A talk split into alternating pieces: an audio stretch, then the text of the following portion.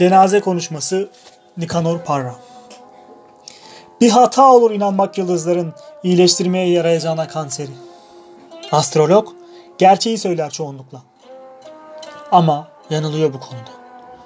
Çünkü doktor bir tabut iyileştirir her şeyi. Bir adamın vadesi dolar, ölür.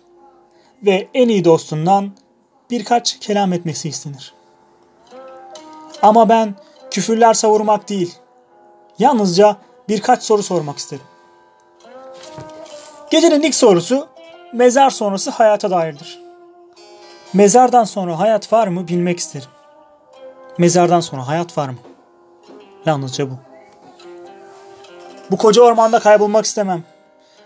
Şu kara sandalyeye oturayım en ben. Şu babamın mezar taşının hemen yanındakine.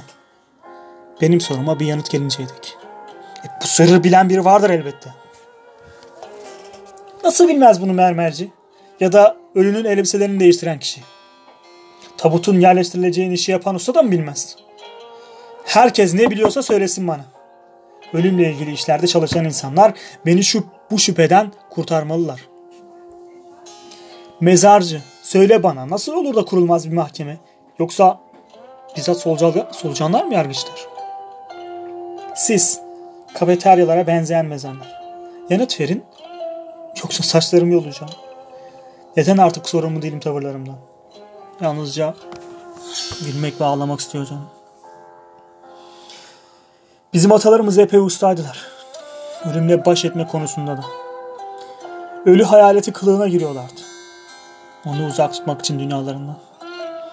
Sanki ölümün uzaklığı kendi başına ölçülmesi imkansız bir şey değilmiş gibi. Büyük bir cenaze komedisi var burada. Ceset kutsaldır denir her yerde. Ama herkes alay eder ölülerle. Hangi amaçla sıra sıra dizildiler öyle? Sardalya kutularıymış gibi dip dibe.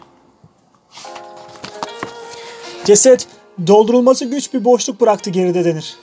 Ve anısına şiirler şarkılar söylenir. Sahtedir çünkü saygısı yoktur dul karısının bile.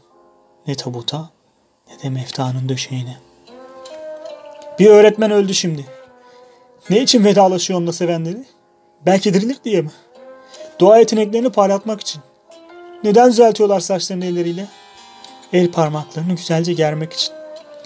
Kısacası bayanlar baylar, yalnızca ben acısını paylaşıyorum ölülerin.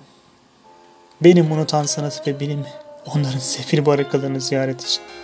Yalnızca ben kalemimin ucuyla çınlatıyorum mezarlarındaki mermerleri.